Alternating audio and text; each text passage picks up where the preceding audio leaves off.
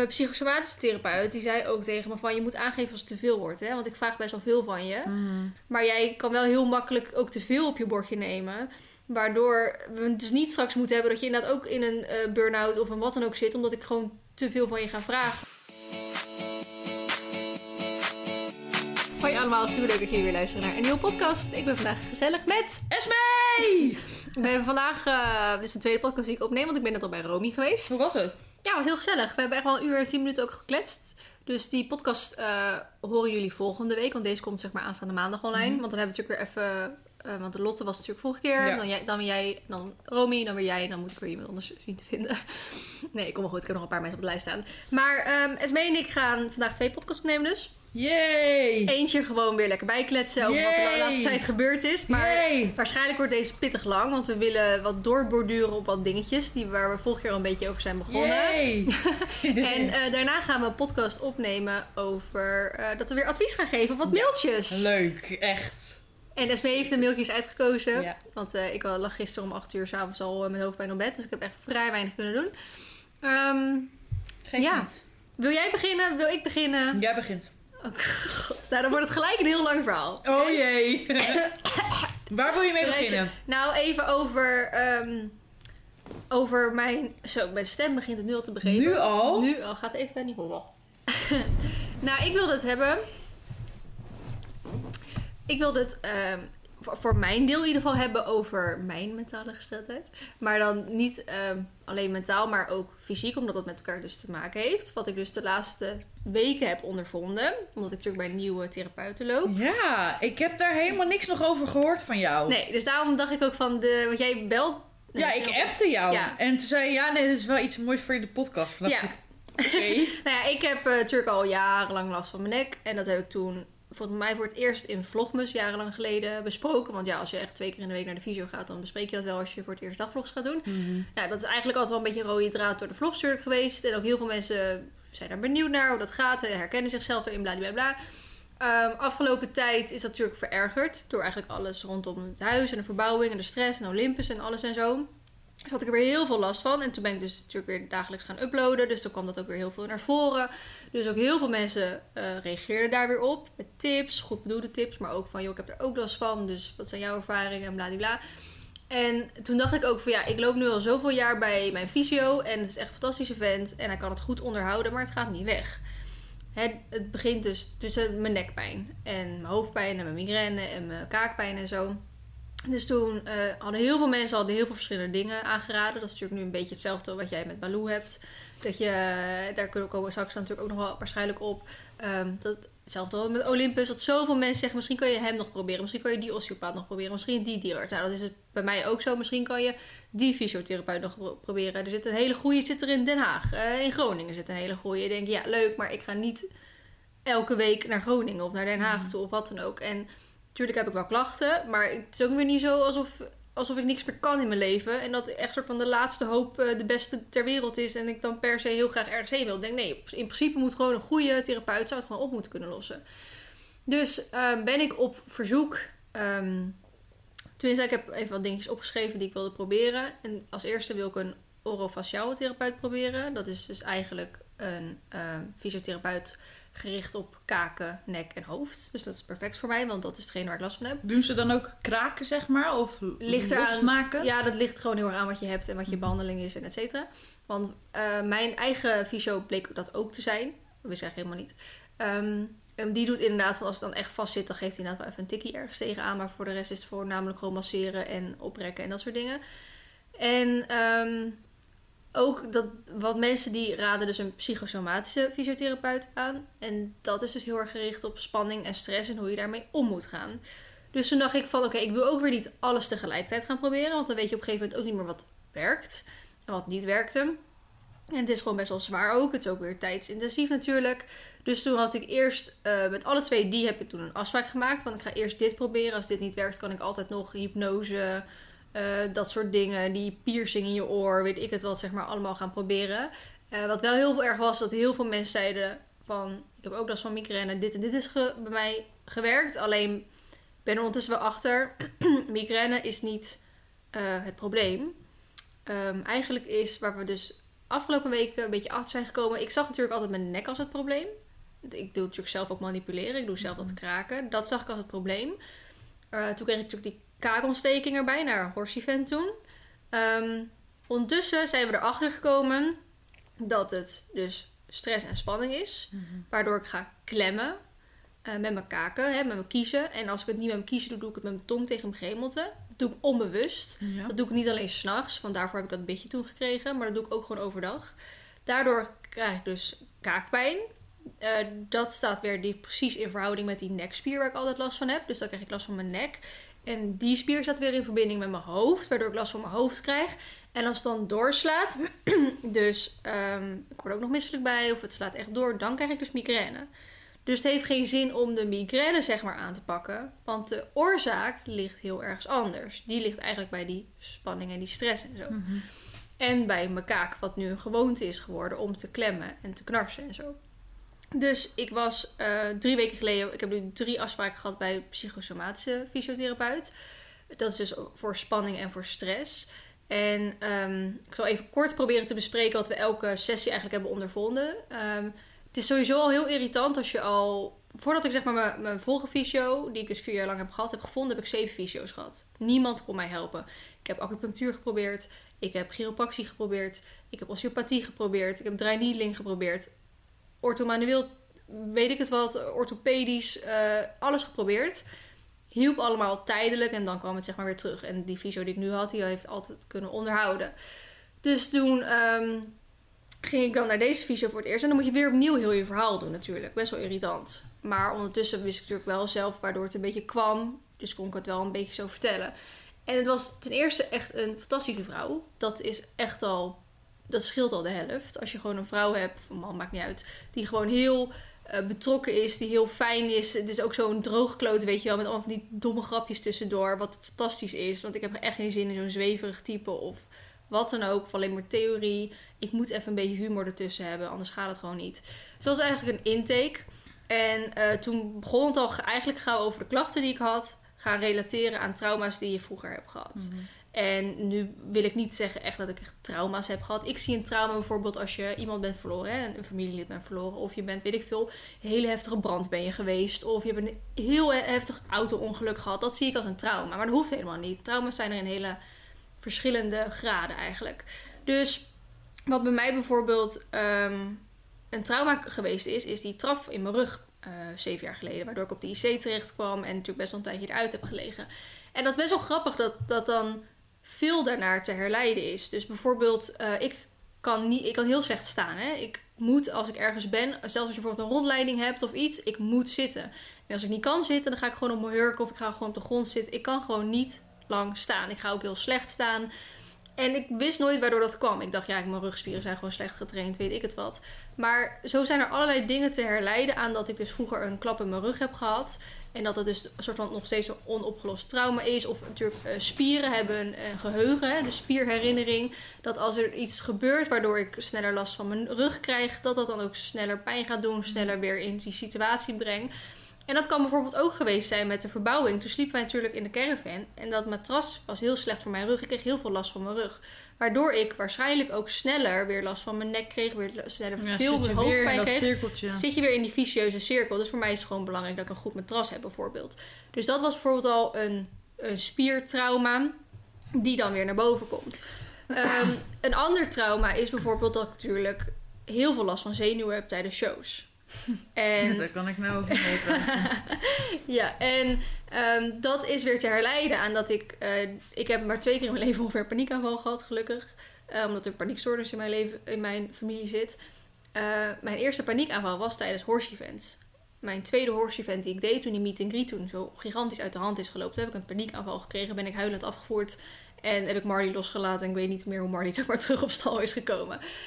En eh, daarvan, waarschijnlijk vanuit daar, is toch die onderliggende spanning, zenuwen, zeg maar, die ik met shows heb. Terwijl ik zeg, ik, als die show, die show gaat altijd goed. Het publiek is altijd tevreden, dus er is geen reden om zenuwachtig te zijn voor een show. Maar om je dat, omdat je dat onderliggende trauma, zeg maar, hebt, ehm, ja, brengt dat, zeg maar, die situatie weer terug. Ze zei bijvoorbeeld ook, ze gaf twee voorbeelden. Ehm, jij hebt als kind vroeger eh, een, ehm, een, eh, dus een, een vuurongeluk gehad. Dus bijvoorbeeld dat je huis in de fik heeft gestaan en je bent eruit gehaald. En je zit eh, twintig jaar later zit je met je vriendinnen op een camping een fikkie te stoken en marshmallows te braden. En in één Ja. keer ruik je dat of zo. En in één keer brengt het je terug en je bent gewoon out of mood, weet je wel. Je bent gewoon niet meer blij of je kan zelfs in janken uitbarsten. Of schaf een voorbeeld met een meisje die ehm, lekker met de vriendinnen in eh, het centrum aan het winkelen was. En ze wilde een spijkerbroek pakken. En dat geluid van het knopen, openmaken van een spijkerbroek. Zij was dus eh, aangerand door haar ex-vriend. Bracht haar weer terug naar dat moment. En ze ging gewoon oud midden in die winkel. Ze, ze viel gewoon flauw doordat er in één keer weer zo'n trigger kwam. Dus ze heeft dat zeg maar zo een beetje voor mij eh, omschreven allemaal. Dat was zeg maar de eerste sessie. Toen ging ik naar huis toe. En toen, wa- want ik dacht ook van al deze trauma's zijn best wel lang geleden. De horse was vijf jaar geleden volgens mij. Die trap in mijn rug was acht jaar, zeven of acht jaar geleden. Zeven jaar geleden. Ja, maar als je het Dus nooit toen- verwerkt hebt, of Nee, tenminste precies. niet op de goede manier verwerkt hebt, jij kan wel denken, oh ik heb daar geen last meer van, maar als jouw lijf dus aangeeft Ja. dat er toch nog ergens last zit, Precies, dus toen, toen ging ik nog even afvragen van, maar heb ik dan niet nog recent een trauma gehad? Ja, ik heb natuurlijk Olympus moeten laten inslapen. Dat is natuurlijk Ja. ook een soort trauma. tuurlijk. En grappige En heb je dat, ik... verwerkt? Nou ja, je bent natuurlijk gewoon doorgegaan. Ja. Ik bedoel, je kent mij, dat, dat heb je Ja. natuurlijk ook deels gedaan. Dus ehm, ik weet ook niet of er een andere... Maar ja, ik vind rouwen is gewoon heel lastig. Want je ja, hebt niet een- doet je doet, hebt niet een boekje of zo met stappen die je kan volgen om, om natuurlijk te gaan rouwen. Dus ik denk altijd gewoon, nou, ik ga gewoon door en ik neem gewoon, denk er af en toe aan en dan weer niet. En dan weer, ja, dat gaat toch gewoon met de tijd vervaagt dat of zo. Dus toen zat ik in de auto terug naar huis. Het is letterlijk één kilometer vanaf mijn huis. Met de auto? het regende die dag, dus ik ging met de auto. heb je al een fiets daar staan? Ja, ja, ik ben gisteren met de fiets geweest. Wauw. Maar mijn, mijn, mijn band is lek, dus ik moest een andere fiets lenen. Oké. Ehm, die niet op slot kan, dus dan, maar ik vertrouw Loene wel. Maar toen zat ik dus in de auto en toen kwam dus het liedje eh Stupid Mistake op van Gareth Gates. En dat is een liedje die echt al 15 jaar oud is of zo, als niet langer is. En dat was vroeger dus, toen ik heel jong was, mijn favoriete liedje. Ook al wist ik toen geen zak van wat hij natuurlijk uitkraamde. Zong ik natuurlijk gewoon lekker mee. Ehm, en dat was precies op het moment dat ik dacht van... Oh shit, had ik niet over Olympus moet vertellen. En toen kwam dus het liedje Stupid Mistake op. Dus toen dacht ik, ja, dit is natuurlijk gewoon een teken. Die, die, had, die, die moest zeggen van... volgende keer moet je wel even dat trauma ook benoemen. Dus ik vol die keer daarna dus van... Nou, ik ben nog een trauma vergeten te vertellen over Olympus, bla bla, bla. Toen heb ik alleen maar zitten janken die sessie. Toen dacht ik echt van... Waarom, waarom kan ik hier nog steeds niet normaal over praten? Wat Ja. raar is, want ik kan er met jou normaal over praten. Ik heb met Dena er gisteren normaal over Nou, gehad. norm, ik... Wat, kijk, er zit geen camera op jou gericht, hè? Maar op het moment dat jij het woord Olympus uitspreekt, dan krijg jij een trillipje. Ja, ja. En dan Ik weet het ook wel in te houden nu. Ja, maar dat, dat kan, en dan weet ik gewoon dat ik. Ja, kijk hier, en dan zie ik zo, ja, dat zie, dus dat, dat Ik verdriet. wil dit niet. Nee, maar het zit er gewoon nog steeds. En Ja. dan kan je tot, ja, je kan er heel luchtig en makkelijk over praten, totdat je echt op dat moment komt dat je het erover moet hebben. Ja, en dit is dus kut, want nu moet ik dus wel huilen. Ja. Maar ik heb toen bij haar ook alleen maar ook gewoon echt hard zitten huilen. Maar dat, ja. ik merkte het ook, eh, gisteren was ik daar natuurlijk weer. En toen dacht ik, oké, het moet even wat oppervlakkig blijven. Ik heb geen zin om weer te gaan zitten ja, janken. maar dat kan niet. Als je daarheen gaat en je denkt... Dus dit moet hoeft alleen maar het woord Olympus Ja, te zeggen. ga je. Ja. Ik heb het redelijk ingehouden, maar het was net even soort van oppervlakkig nog. Terwijl als ik denk, als ik Olly zeg, dan heb ik het minder. Maar gewoon als je het woord Olympus zegt, Ja. dan gaat het gewoon niet goed. Dus toen heb ik het natuurlijk met haar erover gehad. En zij wil dan eigenlijk gaan eh, ontdekken waarom je nog steeds er niet over kan praten, weet je Ja. wel. En natuurlijk, het is onderdeel van rouw gewoon. ja. Maar ze zegt ook zo, ik wil erachter komen Wat die niet- trigger is. wat die trigger is. Want is het bijvoorbeeld dat je je schuldig voelt? Hè? Ja. Voel je je schuldig dat je hem niet hebt kunnen helpen of wat dan ook? Is het gevoel van schaamte? Hè? Schaam je je over het proces? Is het een gevoel van... Of ehm, koppel je het aan iets? ja, maar of is het een gevoel van eh, overmacht? Of dat je, ehm, je hebt er alles aan geprobeerd te, iets aan te doen en het werkte niet. Is het dan dat je de, dat je de controle kwijt was, weet je wel? Mhm. Wat zijn die dingen? En dan probeert ze ook weer na te denken van bijvoorbeeld met shows geven. Van, is daar dan iets aan te koppelen? Of weet je wel, zit daar iets mee? Dus dan was dat eh, de eerste keer... Nu ga ik even een stapje terug. De eerste keer was mijn opdracht ehm, dat ik moest gaan onderzoeken wat mij rust gaf. Ehm, Ja. Ja, dit is, bizar. en, ehm, want ik had het bijvoorbeeld met haar erover. Ik vind het heel chill om podcast te luisteren. Of ik nou in de auto zit, of ik nou thuis bezig ben met opruimen, of ik mijn stal aan het uitmesten ben, of ik nou op buitenrit ben. Ik luister overal podcast. En dat heb ik ook wel eens in de video's gezegd. En dan zeggen mensen tegen mij van, please, zet die podcast nou een keer gewoon uit. Ga gewoon, als je op buitenrit bent, naar de vogeltjes luisteren, naar de geluiden van de bomen, van dit en dat. Dus ik vertelde dat. En toen zei ik tegen haar van, ja, maar dat, dat ik vind dat echt a-relaxed. Want ik ga alleen maar nadenken. Ik ga nadenken over alles. En dat is juist waar ik geen zin in heb op het moment dat ik rust wil hebben. Dus ga ik lekker podcastje opzetten, want dan kan ik lekker daarnaar luisteren en dan is er niks meer aan de hand. En toen zei ze ook van ja, want dus voor die mensen werkt dat en voor jou dus niet. Dus jij gaat lekker podcastje luisteren. En dat, als dat voor jou werkt, dat is top dat je hebt uitgevonden dat dat voor jou werkt. Ja, want ik zit bijvoorbeeld, om hierop in te haken, ik zit in een proces dat ik gewoon niet weet waar ik ontspannen van word. Ja. Dat is nog erger. Ja, dat is dus ja, nog Ja. erger inderdaad. Jij weet nu Ja. gewoon, oké, als ik dit en dit doe, kom ik Ja. tot rust. En jij vindt het bijvoorbeeld weer kut om naar podcasts te luisteren. Jij ik kan, het dat niet. niet. Nee. Ik heb toevallig vorige week toen je met Lotte van Pippa, die heb ik 20 minuten geluisterd. Nou, en die ene dat jij over mijn moeder eh, had gesproken, die heb ik dan geluisterd. Maar verder, ik, ik kan het niet. Ik heb er geen geduld voor. Ik word er niet rustig van. dat is heel gek. Ja, Ja, maar dat is dus zo bijzonder dat het voor iedereen dus anders kan zijn. Dus eh, zij, was, zij was al blij dat ik er daar dus achter was gekomen. En, maar ze wilde graag dat ik daar nog iets meer over na ging denken van... Vind je het dus lekker als je gewoon bezig bent? Hè? Een beetje opruimen, een beetje dit doen. Of vind je het lekker om gewoon even een boekje te lezen? Of weet je wel, dat soort dingen. Nou, kwam eigenlijk niet echt, ja... Als ik dus... Het lekkerste wanneer ik ontspan... Is dus als ik mijn weiland aan het uitmesten ben met een podcast op. Dat is wanneer ik ontspan. Dus eh, dat is prima. Dus nou goed, dat was mijn huiswerk voor de eerste keer. De tweede keer was dus mijn huiswerk om na te gaan denken waarom ik nog steeds niet over Olympisch kan praten. Dus toen, ehm, dat is me ook niet gelukt, want ik weet het nog steeds niet. Mhm. Al die dingen van schaamte, controle uit handen geven, geen idee. Met, bij alle, al die dingen heb ik zoiets, ja, misschien voor 10%, maar niet voor de volle 100%. Dus toen zei ze, oké, nou waarschijnlijk is het gewoon nog steeds een onderdeel van je rouw. En dan parkeren we dat eventjes de sessie van gisteren ging erover ehm, wat, wat ik dus doe als ik spanning of stress ervaar. Dus eh, ik heb bijvoorbeeld van de week met iemand heel erg ruzie te maken. En daar kan ik op niks meer verder aan doen, want die persoon is gewoon zo. Dus eh, ik heb dat al eens vaker gezegd. Ik wil met iedereen kunnen. Ik wil met iedereen door één deur kunnen. Ik hou niet van onopgeloste ruzies. Ik wil het uitgesproken hebben. Sorry. Koffieapparaat weer. Ehm, ik kan dat niet hebben. En ik krijg bijvoorbeeld eh, stress van zoiets dat ik het niet opgelost krijg. Want ik krijg dit dus niet opgelost, want het is de situatie en het is gewoon kut. Als er zoiets gebeurt, ben ik gewoon twee dagen van de kaart. Gewoon, ik kan niks. Ik heb nergens zin in. Ik kan niet meer productief zijn.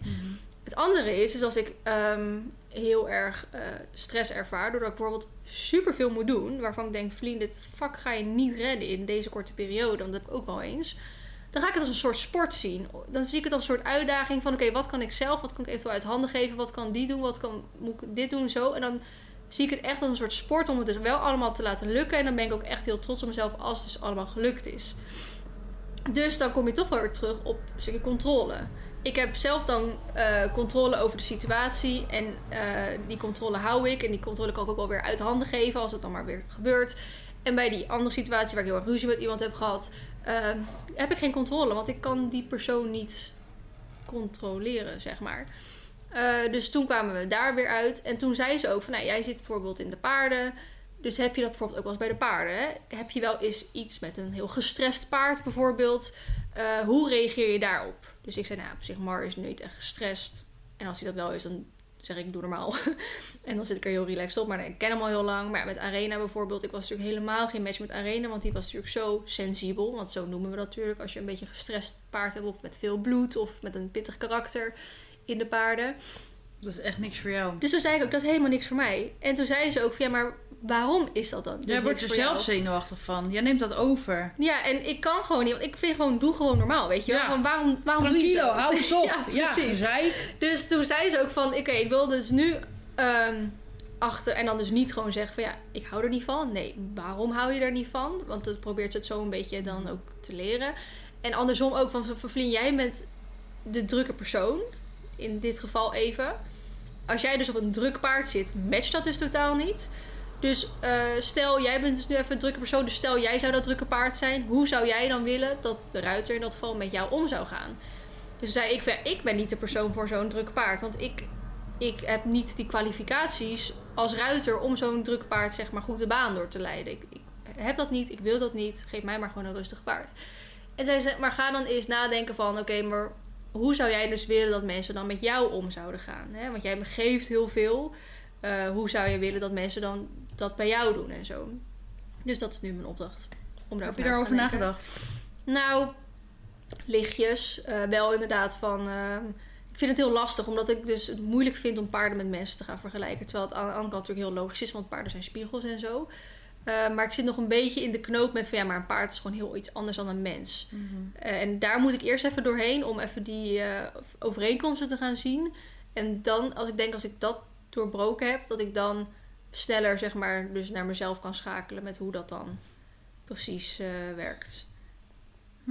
Dus ik, ik, kan wel wat kleine dingetjes zeggen, maar ik moet er even wel dieper over nadenken om daar echt ja. dieper op in te gaan. Dus dat was deel 1 van mijn verhaal. nee, deel 2 is dat ik dus ook nu mijn eerste afspraak bij de uh, heb gehad. Dus die van de echte fysio voor de, nou, ga jij lekker je nek Sorry, ja, ik moet die van mij ook gewoon doen. en uh, het grappige is dat al die mensen elkaar kennen. Dus mijn vorige fysio kent hem. En, nou, dus hij zei ook van, nou, een goede fysio ben je wel goede handen. Dus daar vind ik altijd wel fijn. En deze is veel meer theoretisch. Dus hij heeft bij die intake weer heel veel theorie eigenlijk uitgelegd. En het was wel heel interessant, want eigenlijk heb ik dat nooit gekregen. En hij was heel blij dat ik zelf al heel veel wist waar heel veel zeg maar, vandaan kwam. En toen had ik voor het eerst nog niet gezegd dat ik last van migraine had. En hij zat er een beetje zo mijn verhaal aan te horen. En toen zei ik ook van, oh ja, ik heb ook last van migraine. Toen zei hij van, dat was echt precies het, het volgende van, als, je, als ze dat nou ook nog gaat zeggen, dan is mijn verhaal compleet, weet je wel. En hij zei ook al van, nou, in de eerste 10 minuten dat je hier zit, heb ik je al acht verschillende tics zien doen met je kaken en met je mond. En hij zei ook van, is het jou zelf ooit opgevallen dat je brede kaken hebt? Ik zo, ja. En um, was jij nee te schudden? Nou ja, ja, ja nou, het is nou niet dat ik denk, jeetje, wat heeft die meid een brede kaak. Ja, nee, het past toch gewoon bij... Ja, maar omdat je het gewend bent waarschijnlijk. Want als ik naar jou kijk, dan loopt jouw kaak heel mooi af zo. Terwijl bij mij dit zit. Jouw oh, maar ik vind het juist wat jij mooier. Oh. ik heb dus best wel een brede onderkaak. Terwijl het niet logisch is, want je onderkaak hoort onder je bovenkaak. Uh, dat scharnier, zeg maar, zit onder je bovenkaak. Dus je bovenkaak is, hoort breder te zijn dan je onderkaak. Terwijl mijn onderkaak dus breder is dan mijn bovenkaak. Wat dus betekent dat ik zieke gespierde kaak heb. En dat is niet eigenlijk iets om trots op te zijn. Maar dat is omdat ik superveel klem al jarenlang. En ja, daar maar daardoor krijg je zo'n strakke kaaklijn. ja. ik zei het ook tegen, tegen Shirt. De Shirt zei ook van... Oh, maar jij hebt dus niet gewoon uit jezelf gewoon zo'n mooie kaaklijn. Dus ik zo... Nee, je wordt getraind. oh, dan ben ik benieuwd hoe je er over een jaartje uitziet. Ja, ik heb mijn kaaklijn weg en onderkudde gekregen. Dus, um, dus hij zei van, is je nooit opvallen dat je echt een zieke dikke kaak eigenlijk hebt? Want je hebt eigenlijk een best fijn hoofdje, maar je hebt een hele dikke, dikke kaak. Wat zei je? Moet ik voor jou ook even een dikke kaak maken? Moet je hier komen? jongen. Dus uh, hij zegt, je hebt waarschijnlijk gewoon aan beide kanten een centimeter spier gewoon erop zitten. Holy wat shit. gewoon uh, ja, jouw gespierde kaken zijn. En, en hij zegt, dat hoort niet.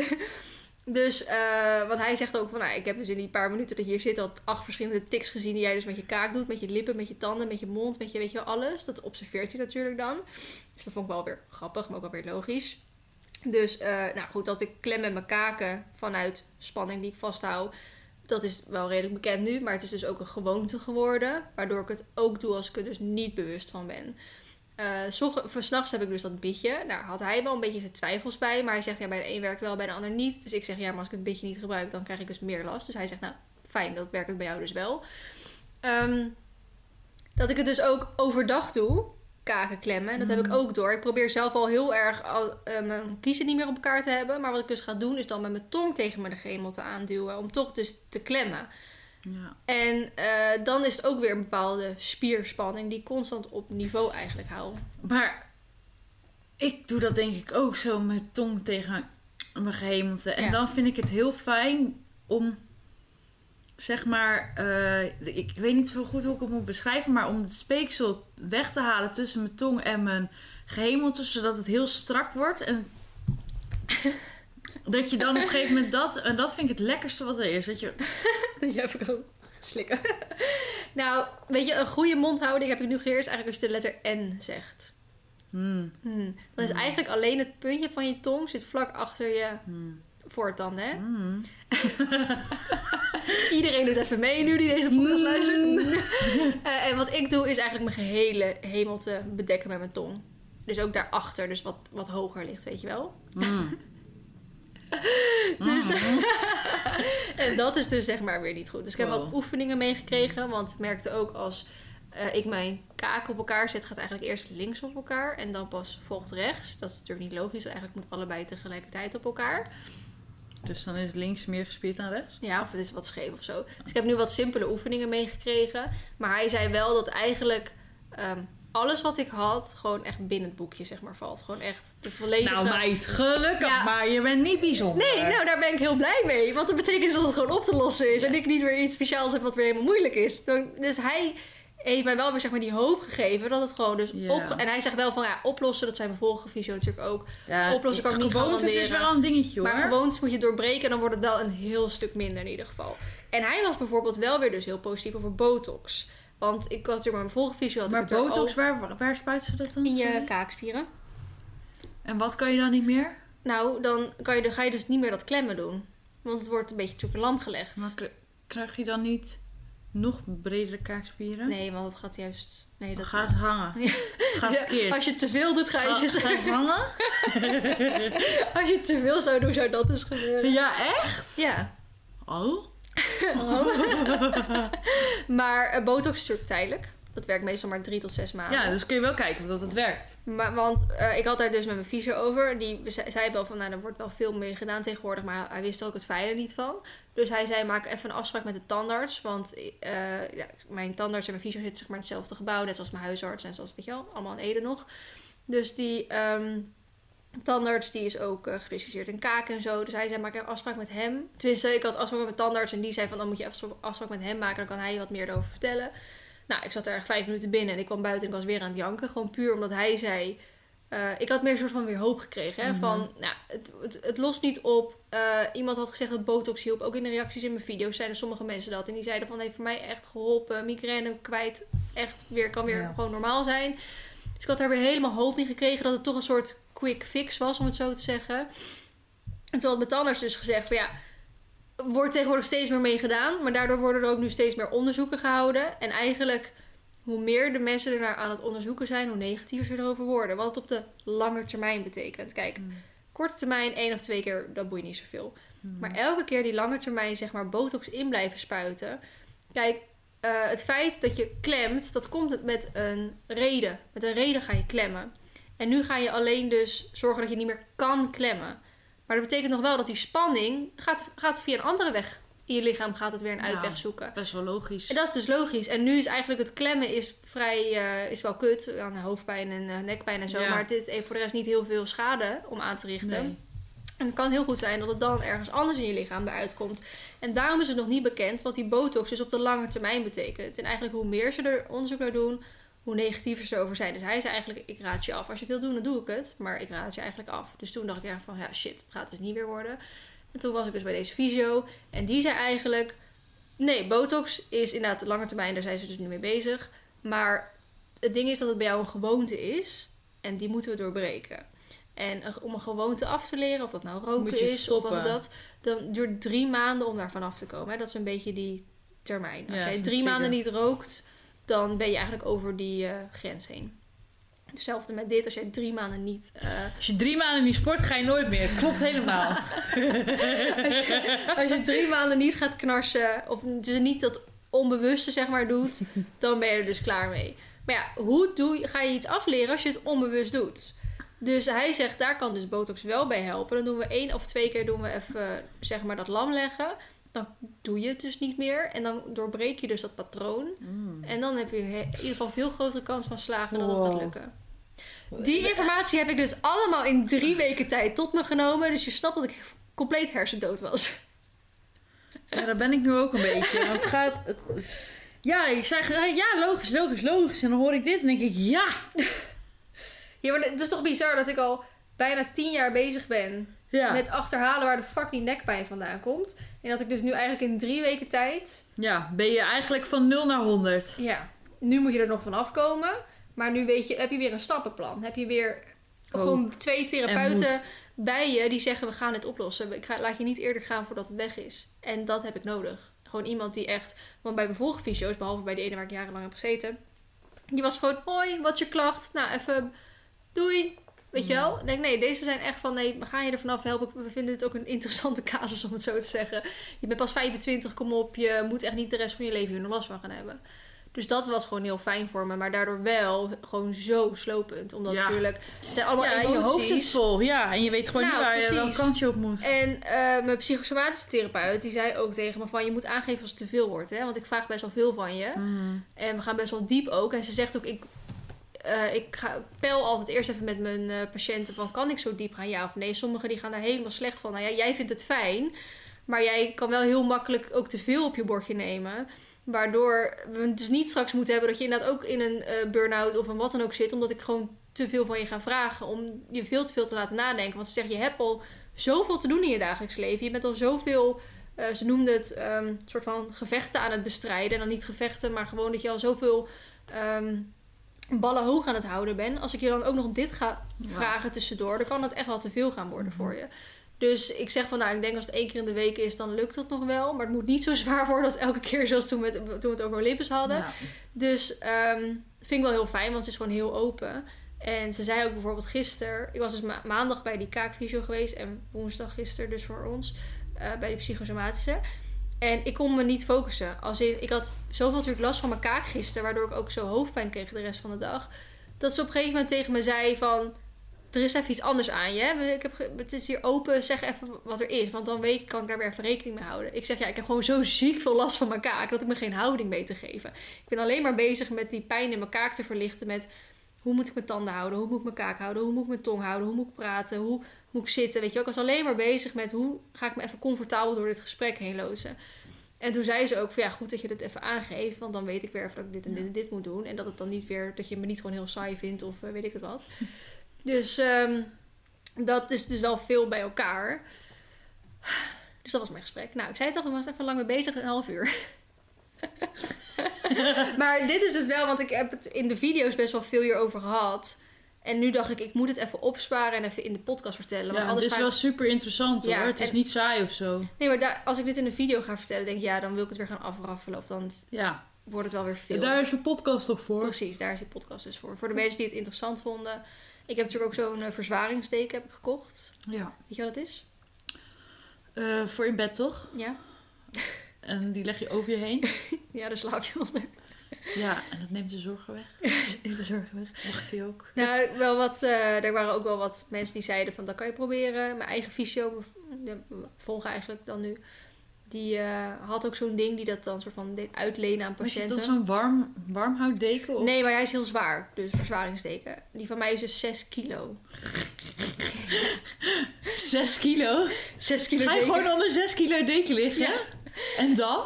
Nou, Voel je je nog zwaarder? nou dan, dan voel je dus veel meer alsof je zo lekker ingestopt bent, weet je wel. Oh, En dat heeft dus voor heel veel mensen een, een ander effect. En wat ik dus bij mij heel erg merk.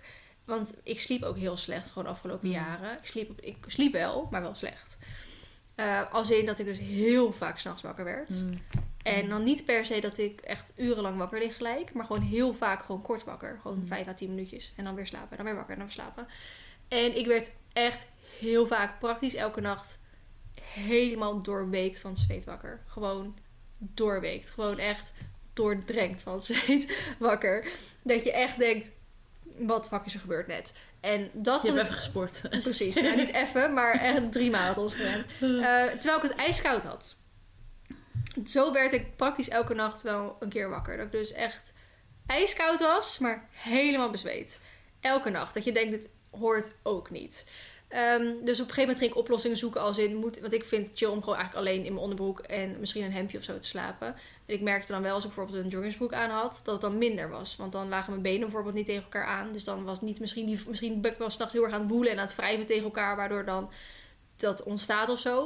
En dan merkte ik wel als ik dus in het, met kleding aan lag in bed... dat het dan minder was. Maar ja, was het eh, zomer, eh, 40 graden buiten... ja, ga dan maar lekker in je pyjama. Ja, maar dan is zo'n verzwaringsteken toch ook niet heel chill? Ja, dat moet nog ondervinden. Oh. Maar ehm, dan merkte ik dat het minder werd. Ik denk, ja, nu ben ik een soort symptoombestrijding aan het doen. Misschien is dat met zo'n verzwaringsdeken ook wel. Maar ik heb wel gemerkt, ik slaap compleet door met die verzwaringsdeken. Ja hoor. Ik, sla, ik word bijna niet meer wakker. Ja, of omdat ik geen gordijnen heb, dat ik dan zeven uur s ochtends wakker word van het licht bijvoorbeeld. Waar kan ik dit kopen? Ja, ik heb hem bij Calmsy gekocht, maar je hebt wel meerdere websites waar je kan kopen. Dat ding kost wel kilo? tussen de 100 en 200 euro of zo. Dat is een beetje jammer. Kan ik hem Ehm. lenen? maar dan slaap jij natuurlijk weer niet. Ik wil het wel even een keer weer proberen om weer onder mijn eigen deken te slapen en dan kijken. Ja, let me know wanneer je dat gaat doen. Hoe kom ik dat- een dagje lenen. Ik ben wel heel benieuwd nu. Nou, het is wel, die- 6 kilo is gebaseerd op mijn lichaamsgewicht. Oh, dan Dus heb ik wel meer nodig. Hoe zwaarder je bent, hoe meer. En je kan dus, het kut is, je kan er niet met z'n tweeën onder liggen. Ze Nee? verkopen dus ook geen tweepersoonsverzwaringsdekens, want dan heeft het dus geen effect. Want die eh, kilo's is op jouw gewicht gerekend. Dus als jij met je partner samen ligt, Ja. dan, heb je, dan is dat niet meer de goede verhouding, zeg maar. Oh, ik ben nu heel benieuwd geworden. Maar ik slaap dus compleet door, wat echt fantastisch is. Ehm, en ik wilde zeggen, ik heb dus niet meer van die bezweten nachten. Maar het is nu toch twee keer gebeurd, maar dan wel echt minimaal. Dus echt een heel klein beetje en niet meer zo doordrenkt. Dus dat, dat heeft wel voor mij geholpen. Ik krijg nu ziek veel shit. berichtjes binnen hè, van mensen die zeggen... Want ik had eh, in, de, in de video wel verteld van... Nou, ik heb dus een verzwaringsdeken gekocht, ga hem uittesten. En toen heb ik even niks meer van me laten weten. En toen kreeg ik best wel veel bericht- berichtjes van mensen van... joh, wat heb je eraan ondervonden? En ik zei, ja, je moet het wel even minimaal twee weken uittesten... voordat je zeg maar echt een beetje conclusie kan geven. Dus nou, nu zijn we ongeveer twee weken verder. En ehm, dus ik kreeg ziek veel berichtjes erover van... werkt het en dit en dat en zo. Dus dat is wel heel grappig. Ik moet dit ook, denk ik hoor. Ja, ik, ik denk echt dat jou ook wel kan helpen. Ik, ik was er ook echt sceptisch over, maar ik slaap gewoon door. Ik, het is echt bizar. Ik word altijd... Ja, nu is het natuurlijk ook wel weer anders. In het huis, in het appartement. Ik, ik ben, nu veel... Overdag ben ik veel meer moe, omdat ik... Dus ik ben s'avonds veel meer moe, omdat ik heel veel doe op een dag. Maar nog steeds werd ik super vaak wakker gewoon. En nu slaap ik gewoon door. Maakt niet uit of ik 7 uur slaap heb of 10 uur slaap. Ik slaap gewoon door. Holy shit. Oh, ik ben zo jaloers. Ik wil ook zo graag doorslapen. Ja. Ik ben gemiddeld twee uur wakker op een nacht. Ja, verschrikkelijk. En ook inderdaad over de, over de uren verdeeld. De ene keer vijf minuten, de andere keer tien minuten, de andere keer een kwartier. Ja. Maar minimaal twee uur. Ja, jij hebt natuurlijk nog zo'n ding die dat echt zo ja, kan ik had weten. zo'n eh, horloge inderdaad Ja. om. Ja, echt, eh, echt bizar. Het is wel weer dan, moet het weer een speciale, hm, hoe, ik heb zo'n hoes erbij gekocht, zeg maar. Omdat hij ook heel zwaar is, gaat hij anders schuiven door je hoes heen. Dus je hebt zo'n speciale hoes erbij die, dat je hem aan alle kanten zo kan vastknopen. Ik wil hem eigenlijk eerst gewoon een keer proberen. Als Ja, ik dat dan kan denk, eh, Je, je, volgens mij, je hebt wel eens volgens mij wat plekken waar je hem soort van kan lenen ja, zo'n eh, zo'n winkel inderdaad. Anders eens proberen. Ja, en anders heb, heb je sowieso, eh, op elke website waar ik gekeken heb, heb je niet goed geld terug. Oh. Dat is sowieso, of 100 dagen bedenktijd of zo, weet je Oh, wel. ja. En zo- zonder vragen, hè. Gewoon, omdat ik denk het dus dat het is, omdat gewoon bijna iedereen dus wel iets van positiviteit eraan ervaart. En dan houdt bijna iedereen hem wel. Ik ga zo googelen. ja, dit wil ik hoor. Ik, heb echt, ik moet echt even samenwerking regelen met zo'n eh, bedrijf. Nou. Wauw. Ja, dus dat heeft me ook wel eh, goed. Want ik heb bijvoorbeeld, Ja, want slaap is zo belangrijk. Heel belangrijk, maar ehm, ik heb dus sinds eigenlijk Sjoerd weg is, dus we eigenlijk niet meer in de verbouwing zitten, Mhm. bijna geen overheid meer gehad. En dan denk ik, ja, komt dat dan doordat ik niet meer in de verbouwing zit? Sjoerd weg. Komt dat dan Oh. omdat ik niet meer echt in de verbouwingsstress zit? Komt dat omdat ik gewoon lekker keer aan huis zit? Ik kan eindelijk weer in- in mijn eigen bed slapen. Dat werkt Ja, maar dit is gewoon een samenloop van omstandigheden. Ja. Ik denk niet dat je het per se kan koppelen aan en één ding. mijn oude routine is weer terug. Gewoon lekker ochtends rustig op mijn gemakje opstaan. Videootje editen, paardjes verzorgen. Eh, Ja, en afspraakjes tussendoor, weet je wel. In plaats van wekker om 7 uur, heel de dag verbouwen. Nou, ergens nog heel snel tussen sne- snel die video editen. Geen tijd voor de paarden en door, weet je wel. Dat, dat hou, ja, anderhalf maand volgehouden. Tot nu. Dus nu is mijn routine weer terug. Dus ik heb bijna eigenlijk gisteren voor het eerst weer echt wel last van mijn hoofd gehad. Maar ik ben dus eh, maandag gevaccineerd. Ja, hadden we het net En over. Ehm, Dat ik- kan ook een, een eh, dingetje ja, zijn. heel veel hoor. verschillende. Want ik eh, ben vorige week met Sjoe mee geweest. Want die had ook de vaccinatie. En eh, die was dus heel bang voor prikken en zo. Dus ze vroeg van, oh, wil je met me meegaan? Nou, die meid die zat daar en die was echt niks aan de hand. En zij voelde dus bijvoorbeeld niks. Gewoon ook niet de prik zelf. Oh, Ehm, deed bij mij zeer. Ik ja. voelde zo die vloeistof door mijn hart. Nou, Suus, Oh. Suus zei ik voelde niks. Karin zei ik voelde niks. Luna zei ik voelde niks. En ik zei nou heel leuk dat niemand iets voelde hoor. Maar ik voelde hem toch echt... Kijk, ik voelde dan niet wat jij zegt die vloeistof tegengaan. Maar ik voelde hem toch wel echt even prikken. En ik vind dat niet erg. Want ik heb geen angst voor Nee, naalden. ik ook niet. Dus Maar, en de volgende dag had ik bijna Ja, dat arm. Ik had echt zo ziek last van mijn arm die dag. Ik moest- En ik moest dus al die fucking weidepalen gaan zetten. Ja, kut is dat. Ik kon die arm, ik kon tot hier zo. Nou ja, ik kon Ik hem wel moest ook een, dan, een maar- zak voer pakken en toen moest ik met, met mijn andere arm zo mijn arm omhoog tillen. Het ging gewoon niet omhoog. Maar ik moet volgende week dus voor mijn tweede. En ze zeggen dat je van de tweede heel ziek wordt. Ja, dat verschilt ook bij iedereen. Want bijvoorbeeld mijn schoonvader, eh, die valt natuurlijk echt in risicogroep, in ieder geval met zijn leeftijd. Die is eh, ook eh, Ja. begin 60 of zo.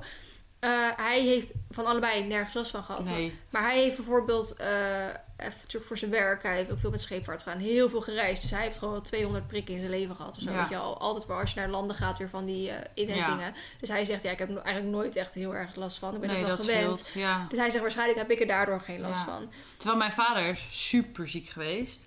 Mijn broertje is eergisteren gevaccineerd. Gisteren met hoge koorts thuis gebleven in bed. Die lag echt te rillen daar als een rietje. Echt? Ik natuurlijk lachen. Ja.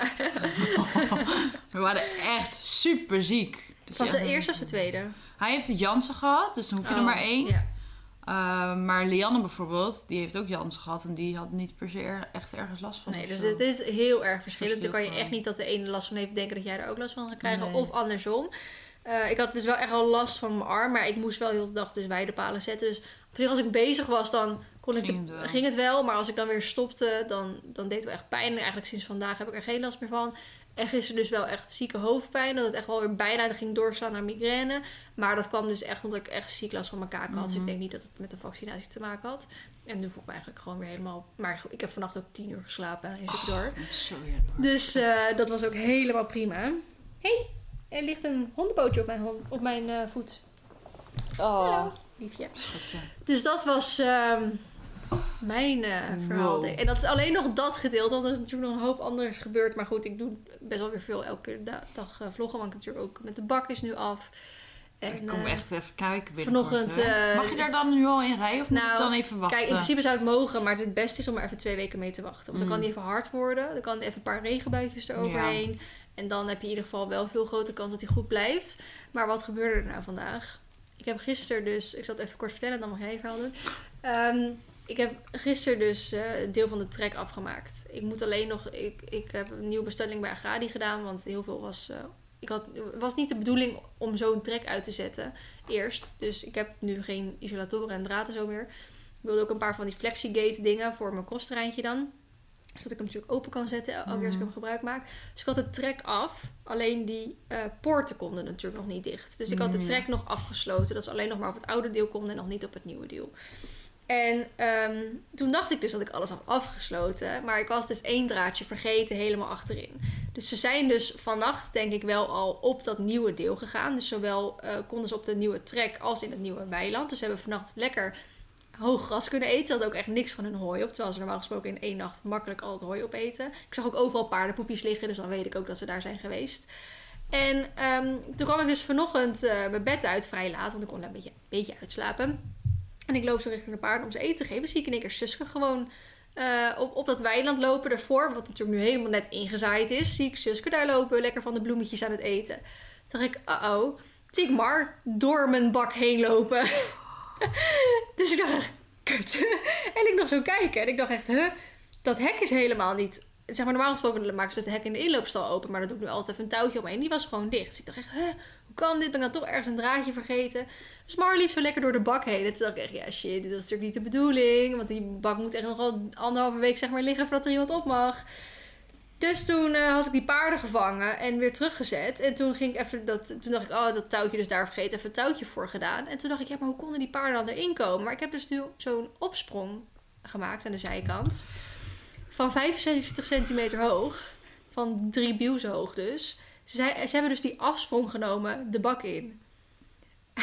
toen dacht ik echt, holy shit. Ze hebben gewoon uit zichzelf een afsprong van 75 centimeter genomen. Om dus vanuit hun begroeide weiland Jongen, die bak in te springen. Dus, dus precies op die plek zit nu best wel een diep gat zeg maar, in mijn bak. Omdat ze natuurlijk bij best wel gewicht zo die afsprong hebben genomen. En die bak nog niet klaar was. En zeker in die hoeken, daar is het veel zachter dan in het midden.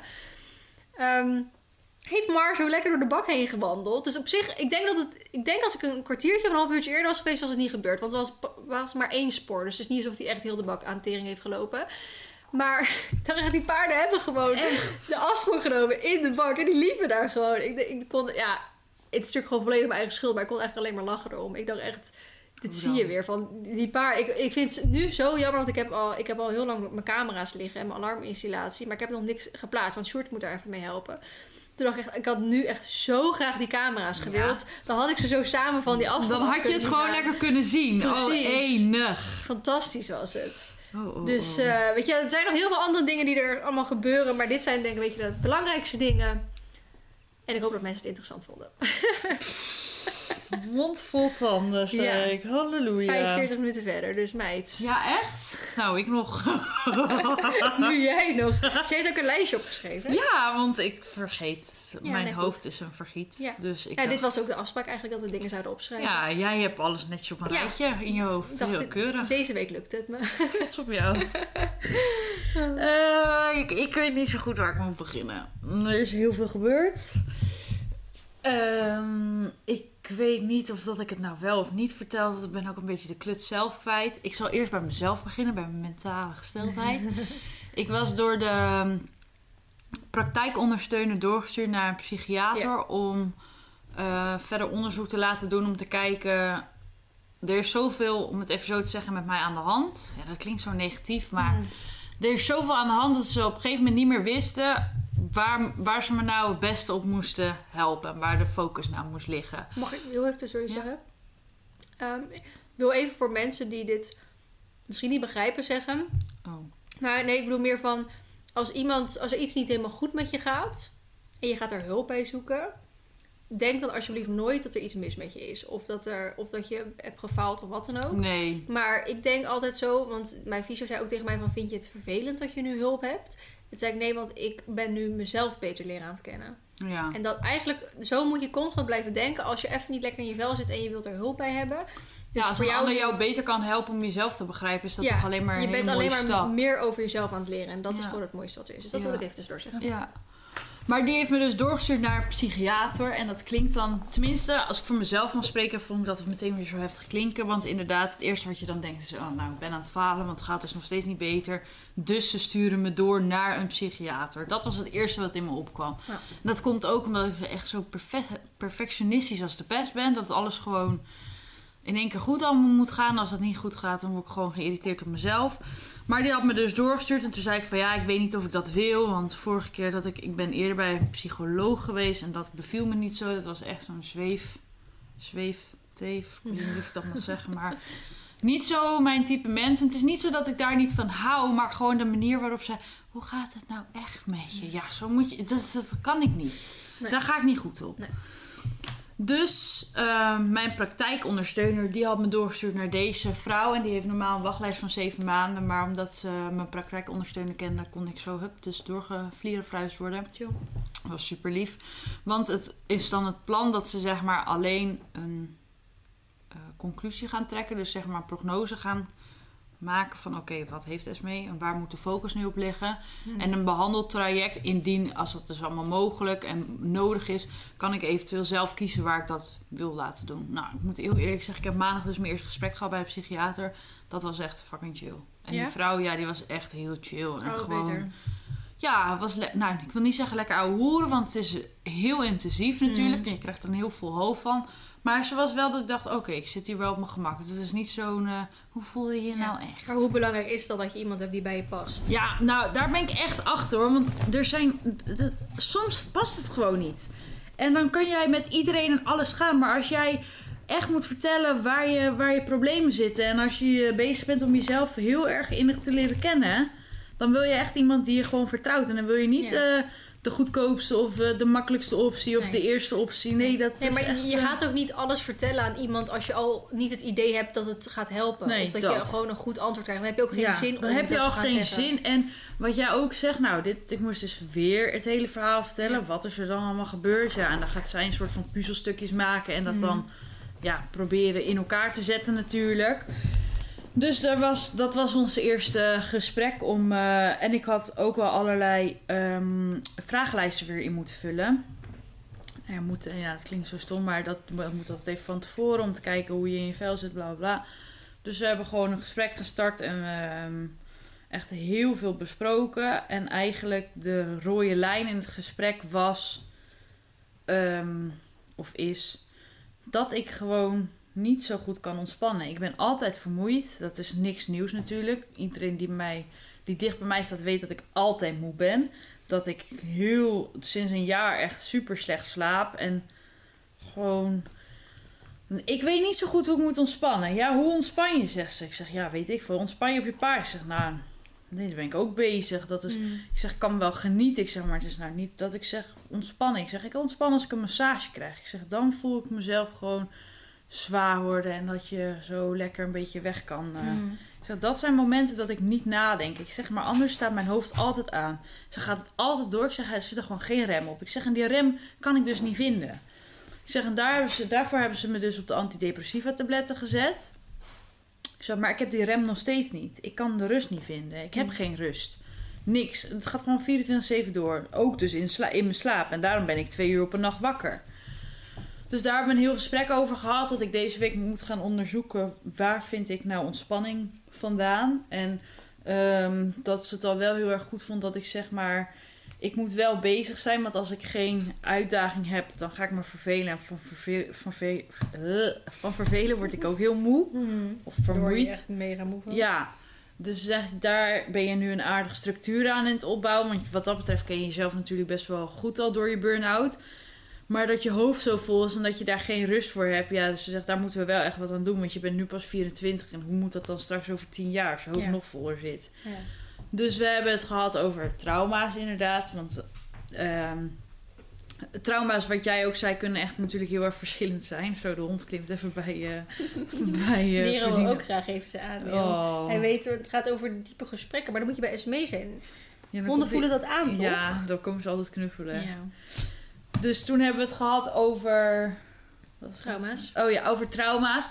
En trauma's kunnen inderdaad, wat jij zegt, groot en klein zijn. Bij mij is bijvoorbeeld eh, een trauma dat ik, als ik ziekenhuislucht ruik, dat het me aan mama doet denken. Dat ik dan denk, slecht nieuws. Dat is gewoon echt, echt een trauma. Ja, en ze zegt eigenlijk willen we dat trauma in een potje stoppen en jou laten ruiken. En dat trauma dan semi-opwekken en dan Mm. EMDR-therapie met jou oh, doen Ja, ja. Om het dan zeg maar in betere banen te leiden. Ik zeg ja, ik zeg maar ik ben echt niet van plan om eventjes MDR-therapie in het ziekenhuis te gaan doen. Ik zeg vind ik vreselijk. Dus daar hebben we het over gehad en ook bijvoorbeeld over de ehm, over de nacht dat mama is overleden, dat ze toen nog een paar keer wakker is geweest. Daar heb ik gewoon slechte beelden aan. Dat zijn gewoon de meeste beelden die eigenlijk vaker terugkomen dan de goede beelden, om het heel even zo te zeggen. Dus de focus ligt vooral nu weer op het rouw wat betreft mama. Eh, omdat dat het, ja, waarschijnlijk toch wel het grootste Hmm. issue is. Dus daar zijn we nu mee bezig. En, sowieso eh, het grootste trauma van de afgelopen tijd. Ja, dat zeker. Daar zijn we mee bezig. En ze is me dus bezig om te diagnosticeren. En dat klinkt heel erg ja, alsof er een stempel op je geplakt wordt. Maar ze zegt, als we gewoon weten wat jij hebt, om het even zo te zeggen, kunnen we je gewoon beter helpen. Ja. En eigenlijk pas ik met alles wat ik vertel en mijn lijsten, pas ik in het groepje ADHD. Geen rust kunnen vinden. Nou, druk van jezelf natuurlijk, hoef ik je allemaal niet uit te leggen. En heel veel mensen die dicht bij me staan, die zeggen, ja, dat wisten we Ja. toch al. Ja, heel, heel, heel stom gezegd. Dat Ja. wisten we toch al. Maar schijnbaar hebben dus mensen daar gewoon... eh, de een heeft daar wat meer hulp en ehm, moeite mee dan de ander. En ik kan me dus... Ik heb gewoon hulp nodig om daar gewoon goed mee om te gaan. Dat blijkt maar, want anders zou ik vorig jaar niet in de burn-out zijn gekomen. Mm. Eh, als dat het natuurlijk is. Dus daar gaan we mee aan de slag om dat in ieder geval eh, in goede banen te leiden. Ik heb aanstaande maandag nog een gesprek met haar. En dan doen we zeg maar conclusie trekken. En dan kijken of dat ik verder wil met EMDR-therapie. Op zich, Daar hoor- daar hoor ik wel veel positieve verhalen over. ja, daar hoor ik dus ook inderdaad. EMDR-therapie moet je maar even opzoeken. Want het kan heel verschillend zijn wat het kan zijn. Het kan met lichtflits, het kan met je vinger heen en weer. En het kan met geluid of zo. Mm. Maar dan ga je zeg maar terug naar een Moment. afbeelding of naar een moment. En dan ga je kijken wat er op dat moment gebeurd is. En dan ga je terug naar het trauma in de hoop dat je het daarna beter een plekje kan geven, om het even zo te zeggen. Mm. Dus dat is zij van plan met mij. Ik eh, heb het de afgelopen dagen even laten bezinken. En ik denk op zich ook wel dat het best wel een prima optie is. De andere optie die de praktijkondersteuner met mij had besproken was om een revalidatiepraktijk in te gaan. Om gewoon te revalideren en eh, te leren om. Ja, nou, ik wil het niet. Het klinkt zo hard, maar om met mezelf om te gaan. Om het even Mhm. zo te zeggen. Dat je gewoon gaat leren om wat je, waar je nu last van hebt, dat je daar kan mee om kan gaan. Dus Nero, please. Hou Ja, op. Zie je dat? Nee, niet zo kijken. Leren komt even met een knuffeltje of een kussentje Ja. of zo. Ja, maar wil je gewoon Heb- even weet, je, helpen? weet je dat verhaal van het kussen? Nee. Nee? Dit is een hartjesvormig kussen. Want het is natuurlijk weer lastig dat, dat dit eh, een podcast is en dat ze het niet kunnen zien. Ja. Dit kussen is gebracht op de ochtend dat mama is overleden. Toen werd er aangebeld door een postbode en die Mhm. kwam een pakketje brengen. In dat pakketje zat een brief met hoi San, ik hoop dat het goed met je gaat, hier op kikkertje. Mhm. Dat kussen zat erbij. Dat was van haar chemo-vriendin, om het even zo te zeggen, met de vrouw waarmee ze chemo had in Amsterdam. Mhm. Die wist toen dus nog niet dat ze overleden was. Dat kussen Mhm. hebben we, want mama heeft hier een week opgebaard gelegen, hebben we hier een week bij haar, zeg maar, op haar bed gehouden. En dat kussen hebben we dus niet, zeg maar, mee de kist ingedaan, maar die hebben we hier gehouden. Sindsdien loopt Nero met het kussen. Oh, Dat is zo bizar en hij sloopt het niet, terwijl alles om zich heen sloopt hij. Hij ma- maakt alles kapot, maar dat kussen niet. En hij komt net dat kussen bij jou Ja, en dat komt hij dan echt zo brengen. Nou, dat is zo bizar. Ja, heel bijzonder. Een leuke hond ook wel hoor. Ja. Wilde nog... eh, Ja, maar een ander huisje, nee. Dat blijft wel hoor. Hè? Ja, ligt nou weer lekker bij jou. Ja, met zijn kussen tussen zijn pootjes. Ja, zo schattig. dus dat is eigenlijk eh, op dit moment de stand van zaken. Eh, vol hoofd, want ik ben ook woensdag gisteren met Balloenen de kliniek geweest. Komt altijd allemaal te zeggen tegelijk. Ja, dat zeggen ze, hè. Want die was al... Die heeft Rino gehad. Vijf weken, zes, zeven weken terug. Weet ik veel. We hebben heel lang in isolatie gestaan. Nee, langer dus geleden. Want we, we zijn nu al zeven weken uit isolatie. Dus in ieder geval daarvoor Zo lang even... alweer? Ja. Ja. Ze heeft Rino gehad. En tijdens het opbouwen na de Rino en na de isolatie... Want ze heeft dus vijf weken... eh, ze heeft twee weken volledig daarvan op boksrust gestaan. Want ze mocht niet naar buiten vanwege besmettingsgevaar. En daarna stond ze op een paddock van, eh, weet ik veel, 2 bij 3 om het even zo te zeggen. Dus ze kon de benen strekken, maar daar was ook alles mee gezegd. Ze kon niet even gek doen en mochten niet rijden, want we mochten niet in de bak komen. Dus ze heeft vijf volledige weken stilgestaan. Daarna zijn we er dus weer rustig gaan oppakken. Dat ging eigenlijk oprecht heel erg goed. Alleen vanaf het begin zagen wij wat onregelmatigheid. En dat is niet dat ze dan op drie benen liep, of dat je dacht, "Pff, die is kreupel. Hmm. Nee, dat was het allemaal niet. We zagen er gewoon iets aan. En de ene keer was het op het achterbeen, de andere keer op het voorbeen. En we wisten het op een gegeven moment gewoon niet. Nou, toen twee weken geleden zijn we wezen oefenen bij uh, Jury. Toen had ik uh, Baloo meegenomen. Dat was toen jij er ook Ja, was. ja. En toen reed ik in het weiland en toen reed ik een bocht door. En toen zei Leanne, ja, ze is, ze is echt niet goed. Hmm. En toen zei ik nog van, nou, dit is op het gras, eh, het is een beetje glad. Weet je, er kunnen zoveel redenen zijn. Ze is jong, ze onbespierd, want ze is zoveel bespiering kwijtgeraakt. Ik zeg, nou, en ook weer niet slecht genoeg om dan te zeggen, oké, stop, weet je wel. Nee, het- je zag er wat aan en we konden onze vinger er niet op leggen. Dus Fred, mijn schoonvader, vraagt van, joh, wat zie jij eraan? Nou, tot de conclusie gekomen dat het echt wel in de voorbenen zat. Hmm. Het leek op rechtsvoor eh te Ja. zitten. Maar wat ik zeg, dus zo slecht te zien dat je eigenlijk niet eens wist op welk been het zat. Hmm. Dat was al, het, het was gewoon raar. Dus ik kreeg ook heel veel vragen, die zal ik dus ook maar nu weer beantwoorden. Waarom reed je dan door? Nou, het was zo magertjes te zien. We hebben les gehad. We hebben gesprekken gehad met de dierenarts, met de osteopaat, met eh, onze instructeurs, met stalgenootjes. En elke keer, ja, er is wat aan te zien, maar weet je, het was gewoon kut eigenlijk Ja. wat dat betreft. Want je hebt liever een paard dat op drie benen loopt, dat je zegt, zo, we gaan onderzoek doen. Mhm. Dat was dus elke keer niet. Toen was ik vorige week aan het logeren en toen dacht ik, ik zie er weer wat aan. Ik ga nu gewoon bellen, ik ben er klaar mee. Want die onzekerheid van, Hmm. hoe is ze vandaag? Nou, dat hoef ik, je allemaal, Ja, dat hoef nee. ik jou echt niet uit te leggen, maar dat weet je precies, Hmm. is gewoon kut. Dus ik dacht, ik wil dat niet, want ik heb het bij jou allemaal van super dichtbij meegemaakt. Ik dacht, oh my god, de alarmbellen gingen bij mij al. Ik dacht, dit wil ik niet. Hmm. Dus ik dacht, hup, eh, dierenarts. Dus de dierenarts eh, bericht en daar kon ik ehm, aanstaande afgelopen woensdag om 8 uur s ochtends terecht. Ik zeg, nou prima, plan maar in. Ik zeg, ik regel wel vrij op mijn werk. Leanne had vrijgenomen. Ik zeg, ik vind het wel fijn. Ik zeg, dan gaan we daar wel heen. Want op de kliniek kunnen ze gewoon alles meteen onderzoeken. Mhm. En thuis kunnen ze buigproeven doen en kunnen ze kijken hoe die loopt. Maar als je dan toch verder voor een foto moet, zit je net precies van ja, ik heb geen röntgen bij Ja. me. Of Ja. ik zeg dat wil ik niet. Ik wil gewoon alles hup in één keer. Ik zeg desnoods kosten me 3000 euro die hele ochtend. Interesseert me niet. Ik wil gewoon weten wat er aan de hand is. Mhm. Zo stond ik er op een gegeven moment in. Ik zeg, misschien is er wel helemaal niks. Hè? Misschien zegt hij wel, joh, jongigheid. huh. Weet je. Ik zeg, want op een gegeven moment wisten we het ook niet meer. Maar- Toen ging ik zaterdag longeren. Toen dacht nee, zaterdag waren we natuurlijk eh, Ja. op eh dinges. Ja. Zondag ging ik longeren. Ik denk, nou, niks aan te zien, hè? Ik denk, oh god. Dorie. Waarom, weet je wel? Zit ik straks hele dure rekeningen te maken en dan, eh, dan loopt ze nu gewoon weer als een tierenlier. Nou, maandag Leanne longeren. Maar er was weer wat aan te zien. Ik zeg, ik ben het zat hoor. Ik zeg, we gaan gewoon naar de dierenarts. Ik zeg, dat gezeik elke keer. Sorry, de hond springt even op schoot. Dus, nou, gisterochtend gingen wij naar de kliniek. Maar afgelopen zaterdag, dat was ik dus net aan het vertellen, waren we weg geweest. Want wij moesten een eh, kliniek geven. Daar was jij natuurlijk ook. En mevrouw wilde in één keer de trailer niet meer op daar. Die dacht, nou, de groeten, ik heb geen zin meer om mee naar huis te gaan. Ik vind het gezellig hier, ik blijf. dus uiteindelijk zijn we een half uur bezig geweest om te laden. Dus ik had tegen eh Leanne gezegd, want we moesten om acht uur op de kliniek zijn.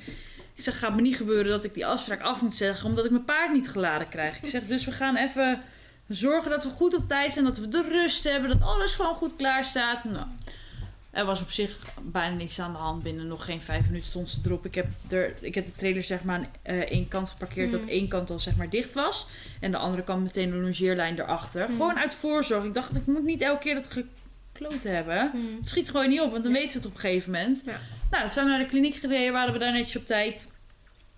Hebben we stap en draf gedaan. En toen was inderdaad weer op te zien dat ze op de volte, dat ze gewoon weer niet goed was. En ik zei ook, ja, wat zie jij er dan aan? Hij zegt, nou, ik zie inderdaad wat je zegt, achter gewoon weinig bespiering. Ze is slap. Ik zeg, ja, ja, dat is, ja, dat klopt. Ja, meer kan je daar niet over Mhm. zeggen, want ze is gewoon, eh, ze is gewoon nog niet zo eh, groot en rond zoals we zouden willen. We zijn maar aan, aan- over aan het werk, maar daardoor is het dus, vind ik, met een jong paard soms best wel lastig om te zien. Mhm. ehm, is dit jongigheid? Is dit slapheid? Of is dit kreupel? Of eh, nou ja, alles wat je omtrent kreupel kan noemen dan natuurlijk. Ja.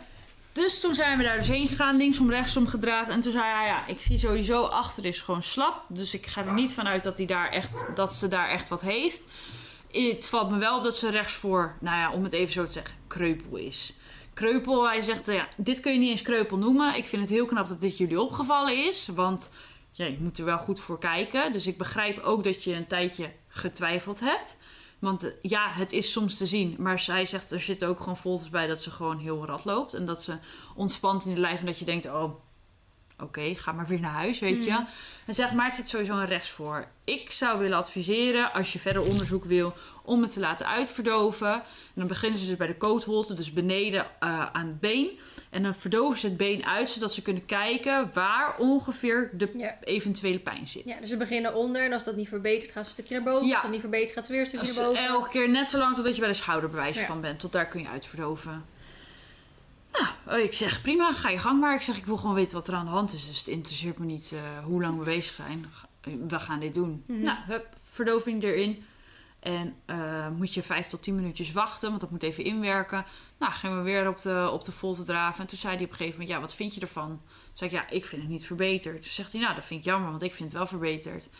Ik zeg, ja, maar kijk, ze loopt nog steeds kort en ik vind nog steeds niet eh, dat ze helemaal lekker loopt. Hij zegt, ja, maar kijk, jij kijkt nu verkeerd, zegt hij. Dat vond ik, wel, ik vond dit wel heel leerzaam ook. Mhm. Hij zegt, jij kijkt naar de korte passen. Hij zegt, ja, dat klopt. Ze loopt hier heel erg kort op het, op het harde. Vind ik ook niet mooi om te zien. Hij zegt, maar het verschil is dat ze nu wel regelmatig loopt en dat liep ze net niet. Mhm. Dus hij zegt, de passen zijn allemaal kort.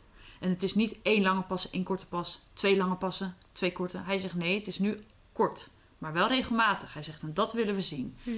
En toen dacht ik, ja, daar heb je wel gelijk in, weet je wel. Dus dat was super leerzaam. Want wat dat betreft, kijk, ik ben wel paraveterinair dierenartsassistent, maar ik doe geen paarden. Hè, dus dit is allemaal, ik ben een leek wat dat betreft. Mhm. Dus dat was heel erg leerzaam. Dus hij zegt, nou, dan weten we dus dat het ergens in het gebied zit van onder de kootholte. Dus koot, hoef, Iets in die trant. Hij zegt, dan is de volgende stap een foto maken. Ik zeg, ga je gang, weet je. Ja, Zij Dus- toch, hè? Ja we zijn er nu toch. Hup, Maar verdoving. wel chill dat dat kwam, want anders is het weer van ja, we hebben geen tijd meer, eh, maak maar weer afspraken Ik, om had- die ik had heel expliciet gezegd dat ik gewoon alles wilde. Ja, dat is goed. Dus eh, volgens mij was het drie uur voor mij uitgepland of zo. Ik dacht, ja, helemaal prima. Wij foto's maken en daar mocht je dan zelf niet bij zijn. Dus Leanne zat te vertellen. Want Leanne is mee geweest naar deze kliniek toen Isa gekeurd werd. Mm. Ze zegt, ja, toen zat ik hier ook met mijn bakje chocomel. En, eh, dus die kreeg helemaal eh, tri- triggers terug van toen met Isa keur. Ja, het is echt maar goed dat je er niet bij was. Want als ik je nou zo zie zitten... Want ik had natuurlijk helemaal de zenuwen weer. En voor de mensen die het niet wisten... Ik zat toen de Isa gekeurd werd, zat ik met jou in de auto. Nou, Ja. echt half kotsend zat ik op die stoel. Ik werd helemaal lui. Nou, zo, ik zat gisteren ook lijkbleek op die stoel. En ik dacht echt, oh, wat een ellende. En, maar ik had, ik had een soort van mindfuck. Aan de ene kant, dat is nog steeds... Het ik kan niet... Misschien gaan, gaan jullie me heel raar vinden wat ik nu zeg. Aan de ene kant, zeg maar links zegt... Oké, tranquilo vriendin. Dat komt allemaal goed. En rechts zegt... Error, error, error. Het is zo fucking kut. Dus dat heb ik een beetje last van. Maar goed, terug om het verhaal te komen. Toen gingen we de foto's bespreken. En toen... eh, pardon. Ging hij dus de foto's allemaal laten zien. Hij zegt, dit zijn de eh, keuringsfoto's die we normaal gesproken maken. Dus als jij een aankoopkeuring doet, dan maken we deze foto's. Hij zegt, nou, bla bla, allemaal. Het was heel erg uitgebreid. Laat ik echt voorop stellen. Ik ben echt fantastisch geholpen door die, eh, door die paardenarts. Ik kan echt niet anders zeggen. Hij legde het echt heel goed en fijn en op zijn gemak uit. Zonder dat er enige haast achter zit. Ik mocht alles vragen. Dus dat was gewoon super chill. Hij zegt, maar we hebben niet alleen aankoopfoto's gedaan, want klinisch zou ze nu dus goedgekeurd zijn op deze foto's. Hij zegt, wij hebben een foto gemaakt en dat kan ik, ik vind het heel lastig om uit te leggen, maar zeg maar, ze hebben een soort van diagonale foto door de hoef heen of door, de, door het been heen gemaakt. Dus normaal doen ze een foto van voor en een foto van de zijkant en nu hebben ze hem diagonaal genomen. En daarop is op het hoefgewricht hele lichte artrose te zien. Zo licht dat het maximaal drie maanden oud is. Hij zegt, ik zie ze zelden die er zo snel bij zijn. Dus sowieso complimenten dat we er zo snel nou ja, bij zijn, om het Mhm. even zo te zeggen. Want het, normaal zie je artrose pas als ze echt slecht zijn. En als Ja. je... Voor mensen die niet weten, artrose kun je niet terugdraaien. Dat is een proces dat zit in het lijf en dat kun je niet terugdraaien. Je Ja. kunt het wel ondersteunen en hopen te stoppen Mhm. ehm, of te ver- eh, vertragen. Maar artrose, dit wat zij ontwikkeld heeft, gaat niet meer weg. Tenminste, je hoopt dat het gewoon stabiel blijft en dat de ontsteking, want zoals ze dat dan zeggen, kijk, en dan moet je niet denken dat er pus in die hoef zit. Nee, Mhm. er zit een ontsteking van het zachte weefsel. Dus dat betekent dat er extra veel vocht is aangemaakt en dat het allemaal een beetje gezwollen daar is. Die ontsteking wil je remmen, zodat ze daar geen last meer van heeft. Want van die artrose hoeft ze dus niet per se last te hebben. Tegenwoordig is het gelukkig zo dat artrose niet meer betekent gelijk je paard met pensioen of Nee, eh, afmaken of wat dan ook. nee, nee, Dat nee. is echt- Dat is echt, ehm, ja, ze kunnen heel veel. Ja. En vooral dus nog in dit stadium. Laten, we, laten we dat voorop stellen. Kijk, als jij een, eh, een viertje hebt, om het even zo in, eh, in, in, in Paardentaal zeggen. ja, als je, want je wordt dan ge, ge- ze worden 1, 2, 3, 4 zeg maar gekeurd. Een viertje is ja, afgekeurd, om het even zo te zeggen. Mhm. Ja, dit is een, tussen een 1 en een 2'tje. Ja. En ik sprak een andere dierenarts en die zei, ja, dit is gewoon voor mij een eentje. Mhm. Dus ga maar na, hè, dat er zoveel verschil ook... Dus je kan voorstellen, mijn hoofd zit ook weer heel vol. Maar dat terzijde. Dus, wat hebben we gedaan? Lang verhaal kort. eh, goed gesprek met de dierenarts gehad. Wat zijn de kansen? Ik zeg, oké, kan ik hier gewoon nog de sport mee om, in? Of moet ze verkocht worden? Want ik wilde gewoon wel eventjes weten... Waar staan we? Wat zijn de kansen? Hoe nu verder? Want dat vond ik wel belangrijk. Ik heb Balloon niet voor de verkoop. Kijk, als ik 30.000 krijg, eh, dan eh, zal ik erover nadenken. Maar ik wil wel... Ik heb Isa weggedaan Ja. omdat ik ambities denk te hebben om iets te gaan doen. Mhm. En ik zou mezelf... Ik zou het niet eerlijk tegenover mezelf en niet eerlijk tegenover het paard vinden... als het nu al bekend was dat zij dat nooit zou gaan kunnen. Mhm. Want dan dacht ik, ja, waarvoor heb ik er dan nog? Ja. Dan, Waarvoor heb je dan Isa verkocht? Ja. Waarvoor heb ik dan in godsnaam Isa verkocht? Ja. dat ik was wel dat ik eventjes dacht van ja, kut. Ja. Dat had ik echt kloten van mezelf gevonden. Ja.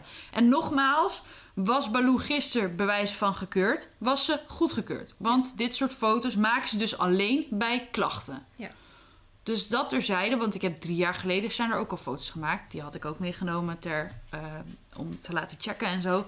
Dus ik wist dat ze goed was op de benen. Vandaar dat ik er ook heb durven over te nemen. Want ik Mhm. eh, vond het wel belangrijk om zeker te weten dat ze goed was. Dus Mhm. Dat, daar zal ik ook nog wel vragen over krijgen. Maar goed, wat hebben we gedaan? We hebben er direct ingespoten. Want wat zei hij? Ik ben er 90% van overtuigd dat ze nu op dit moment last heeft van die lichte artrose in dat hoefgewricht. Hij zegt: Ik weet het niet 100%. Waarom niet? Omdat ik vanaf de koot naar beneden heb verdoofd. Dat kan ook zijn dat er iets met de bandjes aan de hand is. Iets anders. Hij zegt: Als we dat willen weten, moet je volgende week terugkomen. Verdoven we alleen het hoefgewricht uit. Lopen ze dan weer goed? Dan weten we het 100% zeker. Dan kunnen we de behandeling starten. Hij zegt, maar ik ben 90% van overtuigd. Ik zeg, oké, wat is dan de volgende stap? Hij zegt, dan spuiten we erin met cortico's en eh hydrogon... ehm, ja, hydrogon eh, eh, zuur volgens mij. Onbekend voor. Ja. Al die namen, holy Ja. shit. En dat is een ontstekingsremmer. Ehm, dat is cortico's is een ontstekingsremmer. En ja, semi-pijnstillend zeg maar. Want Mhm. door de ontstekingsremmer gaat... Je wordt gebeld. Ik weet niet wie dit is. Wacht, Oké. twee seconden. Hallo, mijn vriend jongen. Hallo, u spreekt Ben Boerengein van de gemeente Apeldoorn. Hi. Hallo. Ehm, ik, eh, ik ben bij u aan het juiste adres over de, de haag voor de paardenvee. Klopt inderdaad. Klopt. Ja? Ja. Oké. Ja, ik, heb, ik had een vraag van mijn collega Leon. Oké, en we gaan weer door. Ik heb even een kwartier aan de telefoon gehangen met de gemeente over een aantal dingen.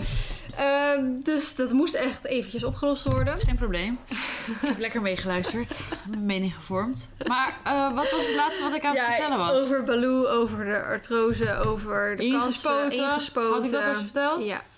Ja, maar je had het uitleggen wat eh, cortisol of zo was. eh, Oh, eh, corti cortico's en hydro hydraonzuur. ja, nou, in ieder geval... eh, Oh, ontstekingsremmend en eh semi-pijnstillend. Om dus de ontsteking inderdaad, want het is dus geen pusontsteking, maar eh, eh, ontsteking van de we- weken delen, zeg maar, om dat weg te nemen. Um, en die hyaluronzuur, dat is voor. ehm, ehm, oh my god, ik ben, ik ben er helemaal uit. sorry. Dit komt door jou. Leg even uit, wat is Weet ik je... veel wat het is. Moet ik het googlen? Oh my Hoe god, noem je het? wat erg dit. Hoe noem je het? Hyaluronzuur. Hyadron... Oh, wacht. Hyaluronzuur. Hyaluronzuur. Dat is... Bevordert de elasticiteit en geeft een Ja. jeugdige uitstraling aan de huid. dat is voor mensen. dat zorgt ervoor dat het allemaal een beetje opgerekt wordt. En dat het gewoon... eh is een ja, glycosaminoglycaan glucosamine. Ja. dat veelvuldig in bindweefsel, epiteelweefsel Ja. en zenuwweefsel voorkomt. ja, dus ze hebben eigenlijk een beetje van dat weefsel zeg maar teruggespoten. Maar dan eh, als... eh, als- Het kan als- tot duizend keer zijn eigen gewicht in water dragen, waardoor de huid wordt gehydrateerd en beschermd. Wauw. Kijk, Het komt omdat ik er nu helemaal uit ben dat ik er dus niet zo goed aan mijn woorden kom. Maar anyway, dat is dus gisteren allemaal gedaan. Toen hebben we er mete- meteen mee naar huis toe genomen. Toen kreeg ze een verbandje op de... Oh, die was ook lekker. ik ook nog even. Ah, het lukt niet. Toen kreeg ze verbandje om de hoeven. En toen moest ze gisteren de hele dag binnen blijven staan. Want ze mocht, eh, dat wondje zeg maar, mocht niet nat worden. Omdat Mhm. anders de kans van ontsteking aanwezig was. Ja, sorry. Ik heb net die hele zak M&M's leeg Ja, en nu mag ik. En nu Oh my je god. nog geen. Wacht, er zitten nog maar een paar in. Oh, Ik ga even lezen. ik heb echt bijna alles op. Oh, wat stom. Ehm, dus het advies was ook, of is ook, om een ijzer eronder te doen. Ehm, eh, working on it. Laat ik dat even zeggen. Ik heb het even geparkeerd. Ik heb maandag een afspraak met de hoefsmid hiervoor. Om eventjes alles te overleggen. Om zijn visie ervan te zien. Want ik dacht, oké, de dierenarts raadt het aan. Dus het zal wel goed zijn. Maar ik kreeg ook ontzettend veel berichtjes op Instagram.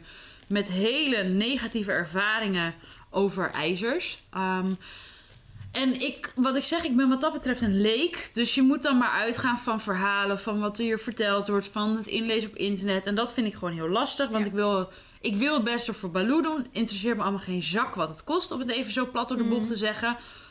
Maar door zoiets ga je dan best wel weer twijfelen. Dus maandag in ieder geval een afspraak met, ehm, met de hoefsmid. En als hij zegt, ja, dit is echt veel beter, want ik heb een hele chille hoefsmid nu. En die heeft echt wel veel ervaring met paarden, met eventueel eh, met artrose en dat soort dingen. Hmm. Eh, hij kan ook van die eh zoltjes zetten. Mocht het allemaal nodig zijn. Ik loop nu op de zaken vooruit, maar stel, stel, stel, weet je wel. Als ik daar een goed gevoel bij heb. Want, dat moet ik ook zeggen, ik ben een gevoelsmens. Dus ik doe alles, heb ik er een goed gevoel bij, ja of nee? En dat klinkt misschien heel stom. Maar ik kan mezelf best wel goed vertrouwen met dat soort dingen. Dus dat vind ik gewoon fijn Ja. werken. Dus maandag de hoefsmid. En wat ook belangrijk is, ze gaat op ehm, supplementen met eh, glucosamine. En toevallig heb ik een eh, samenwerking met Horsefit Shop. Dus ik krijg de producten daarvan gesponsord. Het pakket wordt eh, deze week als het goed is nog opgestuurd. Dus dat is super fijn. Hmm. En die sponsoring die had ik al voordat zeg maar, dit allemaal bekend was. Dus nou, het- ja, het komt eigenlijk heel erg goed uit. Want ik ben sowieso niet zo van de supplementen van... Ja, stop je paard maar vol, zeg maar. Dat, zo, ik werk niet zo. Nee. Ehm, Ik maar ik had een hele goede, eh goede gesprek met hun gehad. Van oké, in wat kunnen we Baloo ondersteunen en dat soort dingen. En nu dit hele verhaal weer uitgelegd. En nu eh, we hebben we een mooie, mooie set samengesteld. Ja. Dus dat is in ieder geval heel erg fijn. Baloo staat vandaag gewoon weer lekker op de wei. Daar was ze denk ik heel erg blij mee. Want gisteravond na mijn werk ben ik nog even met haar gaan wandelen. Toen dacht zegt ze, hallo, waar is iedereen? Waarom mag ik nu pas naar buiten? Maar vandaag moest ze weer naar de wei. En ik ga straks rond een uur of zes nog even met haar stappen. We mogen deze week aan de hand of onder het zadel 20 tot 30 minuutjes stappen. En vanaf volgende week alweer opbouwen. En dan over twee weken moeten we echt duidelijk verschil zien. Ja. Dus nu eventjes twee weken Ik spannend. ben echt zo benieuwd, omdat je natuurlijk elke keer was wel niet en vaag en zo. Ja. Of je dan nu inderdaad gaat zien van oké, eh, het is weg. Of dat je nog steeds denkt van nou, ik zie het gewoon niet meer. Ja. ja, nou daar ben ik ook heel benieuwd naar zelf. Want ik moet ook heel eerlijk zeggen... Op een gegeven moment ga je twijfelen aan jezelf. Wat zie ik nou wel, wat zie ik nou niet? Loop ze daar nou verkeerd? Je gaat overal op letten. Ja, en wat ik zeg, ik kijk je aan. Ik hoef het je niet uit te leggen. Want je weet precies wat ik bedoel. Want je hebt dit natuurlijk ook allemaal... eh, helaas met Ol allemaal meegemaakt. Op een gegeven moment weet je niet meer wat je wel en niet ziet. En als een ander dan zegt, nou het valt wel mee. Dan denk je, oké, ja het valt inderdaad wel mee. Dus Ja. het is gewoon moeilijk. Ik heb nu in ieder geval mijn gevoel gevolgd. Ik heb nog steeds een heel goed gevoel erbij. Dus dat is voor mij heel erg positief. Ehm, dus ik ga gewoon kijken waar het schip strandt. En ehm, ze is dus niet afgekeurd. Plat door de bocht gezegd. Kun gewoon nog de sport met erin. Kan gewoon straks nog bewijzen van E40 springen. Kijk, ik kan het niet meer, hè. Zij eventueel wel. Dus het komt wel goed. Met een goed management, goede training. En ze moet blijven bewegen. Ja. Kijk, die vijf weken stil vanwege quarantaine heeft haar gewoon niet goed gedaan. Nee. Dat is heel duidelijk. Nee, want dat is vaak bij artrose, dan moet ze blijven bewegen. Ja. Dus het is gewoon goed dat we dit gedaan hebben. Ik was een paar honderd euro lichter. Het interesseert me allemaal geen zak. Ik heb nu wat rust. Dacht je ook totdat je straks 25.000 euro in twee jaar tijd verder bent? Ja, nou, ik weet het. Ja, vertel mij wat. Eh, maar ik heb nu wel rust. En ik hoop gewoon dat dit het is. En dat we over twee weken zeggen: Nou, dit werkt fantastisch. En hier borduren we op verder. En ik hoop niet dat we andere trajecten in hoeven. Nou, ik denk ook wel omdat je er gewoon zo ziek vroeg bij bent. Ja. Ik heb nog een ander heel leuk nieuwtje. Oh. Dat heb ik net gehoord namelijk. Want Lee en Esmee mogen de show geven Event. Ja. Dus het wordt wel iets anders als... eh, Weet ik. Ik heb ervoor gepraat. Oh, oké. dan gaan we dit niet eh, hierin bespreken. Doen we zo meteen zelf wel even. Dus, eh, maar we hebben akkoord gekregen. Dus dat is wel heel erg leuk. Ja. Ehm, Superleuk. Dus wij zijn zien op Event. En Le of, eh Feline kondigt ons aan. Dus dat is super tof natuurlijk. Ja, want we hadden natuurlijk, want jij zei net al dat we die oefendag voor Ja. Hadden. We hebben een eh, Go Social oefendag gehad, omdat we onze eigen piste daar krijgen. Ja. En ik denk dat het heel goed is geweest dat we die oefendag hebben gehad. Voor heel veel mensen, omdat ze nog nooit een show hebben gegeven. Of Ja. nooit een clinic. Dus dat we konden ze even een keer oefenen voordat ze gelijk bam Horse Event staan. En ik heb natuurlijk al jarenlang ervaring en ik moet nu eh, presenteren. Dus ik kan lekker iedereen... moest ik echt goed bekijken. Want ik kende ook heel Ja. veel van die mensen kende ik niet. Dus ik kon ook heel goed met Floor dus achteraf praten. Waarvan ik dus vond, nou ja, eh, die zou ik wel naar Horse Event laten gaan en die niet. En Mhm. die misschien wel, maar er moeten wat aanpassingen gebeuren. Ja. En Floor vertrouwt mij daar ook wel in, omdat ik natuurlijk zoveel ervaring daarin Ja. heb. Dus daar hebben we wel goed over kunnen praten. Ja. En eh, heel belangrijk, want ik denk anders was Horse Event één grote flop geworden. Nou, ik zeg je eerlijk. Ik, ik lachte jou natuurlijk altijd uit over je spanningen. Zaterdag mochten... Sorry, handen slaan aan. Zaterdag mochten ik en Leanne dus de oefenshow geven. En Leanne zat op Baloo en ik gaf de show, zeg maar, de clinic. Ik laat het nog allemaal een beetje in het midden waar het allemaal precies over gaat. Want het is veel te leuk als jullie straks allemaal op Horse Event komen. Dat jullie denken, oh my god, dit is tof. Ja. Maar ik en Leanne hadden het alles voorbereid dan hoe het uiteindelijk kon. Want we zouden allebei een headset hebben. En die hadden we niet. Dus ik had nu alleen maar een, tele of een, eh, Microfoon. een microfoon. En dat vond ik heel lastig. Want ik moest in één keer schakelen. In plaats van dat je Terwijl dat houdt, moet je in je eentje. Moest ik alles in mijn eentje doen. En ik was zo zenuwachtig dat ik daar als een, als een rietje stond te rillen. Iedereen die dit ook luistert, die zal denken... "Pff, Esmee, die lult zich overal altijd doorheen. Nou, ik stond echt... Hallo, mijn naam is Esmee. ik stond daar rillen als een rietje daar. Ik dacht echt, Esmee, what the fuck? Wat is En dit? dit was echt voor 20 man. Het sloeg helemaal nergens op. Maar ik heb het nu wel... Ik was gewoon bang. Ik zeg je heel eerlijk, ik heb hiervoor Isa gehad. Dat was mijn vorige paard. Die was knettergek op ander terrein. Ik was gewoon heel bang dat het met Baloo ook zo zou zijn. Dat die gewoon knettergek zou zijn. Maar die was verdomd braaf. Die heeft geen stap verkeerd gezet. Die was niet onder de indruk. Die was helemaal niks. Die dacht, oké, cool. Ja, leuk. Mensen. Hm, ja, oké. Ik doe gewoon wat me gevraagd wordt. Zoals het hoort natuurlijk. Maar ik ben zo anders gewend. Dat dat dus een trigger voor mij is. Dat, dat ik gewoon niet meer kan nadenken. Is gewoon een error. Nu weet ik in ieder geval dat ze heel braaf is op ander terrein. En ehm, moet ik er ook bij zeggen, we hebben pas twee weken daarvoor gehoord dat we een eventuele show op Horse Event mochten geven. Dus we moesten in twee weken een show in elkaar zetten. Die hadden we dus semi in elkaar gezet. En toen kwamen we zaterdag daar aan. en Zeiden ze, ja, we hebben maar één, telefo- of, eh, één microfoon en geen headset. Dus toen was het allemaal weer switch, switch, switch. En nou, ik merkte gewoon aan mezelf dat ik daar heel erg stress extra door raakte. Eh, maar nu heb ik het in ieder geval geoefend. Nou weet ik dat Baloo gewoon braaf is eh, op ander terrein. En natuurlijk, de drukte van horse event kun je niet oefenen. Laten we dat voorop stellen. En die stress en alles daaromheen ook niet. Maar als je in ieder geval weet dat je paard braaf is op het moment dat hij braaf hoort te zijn. Dat is wel echt heel Ja, fijn. ja. Dus wij gaan naar horse event.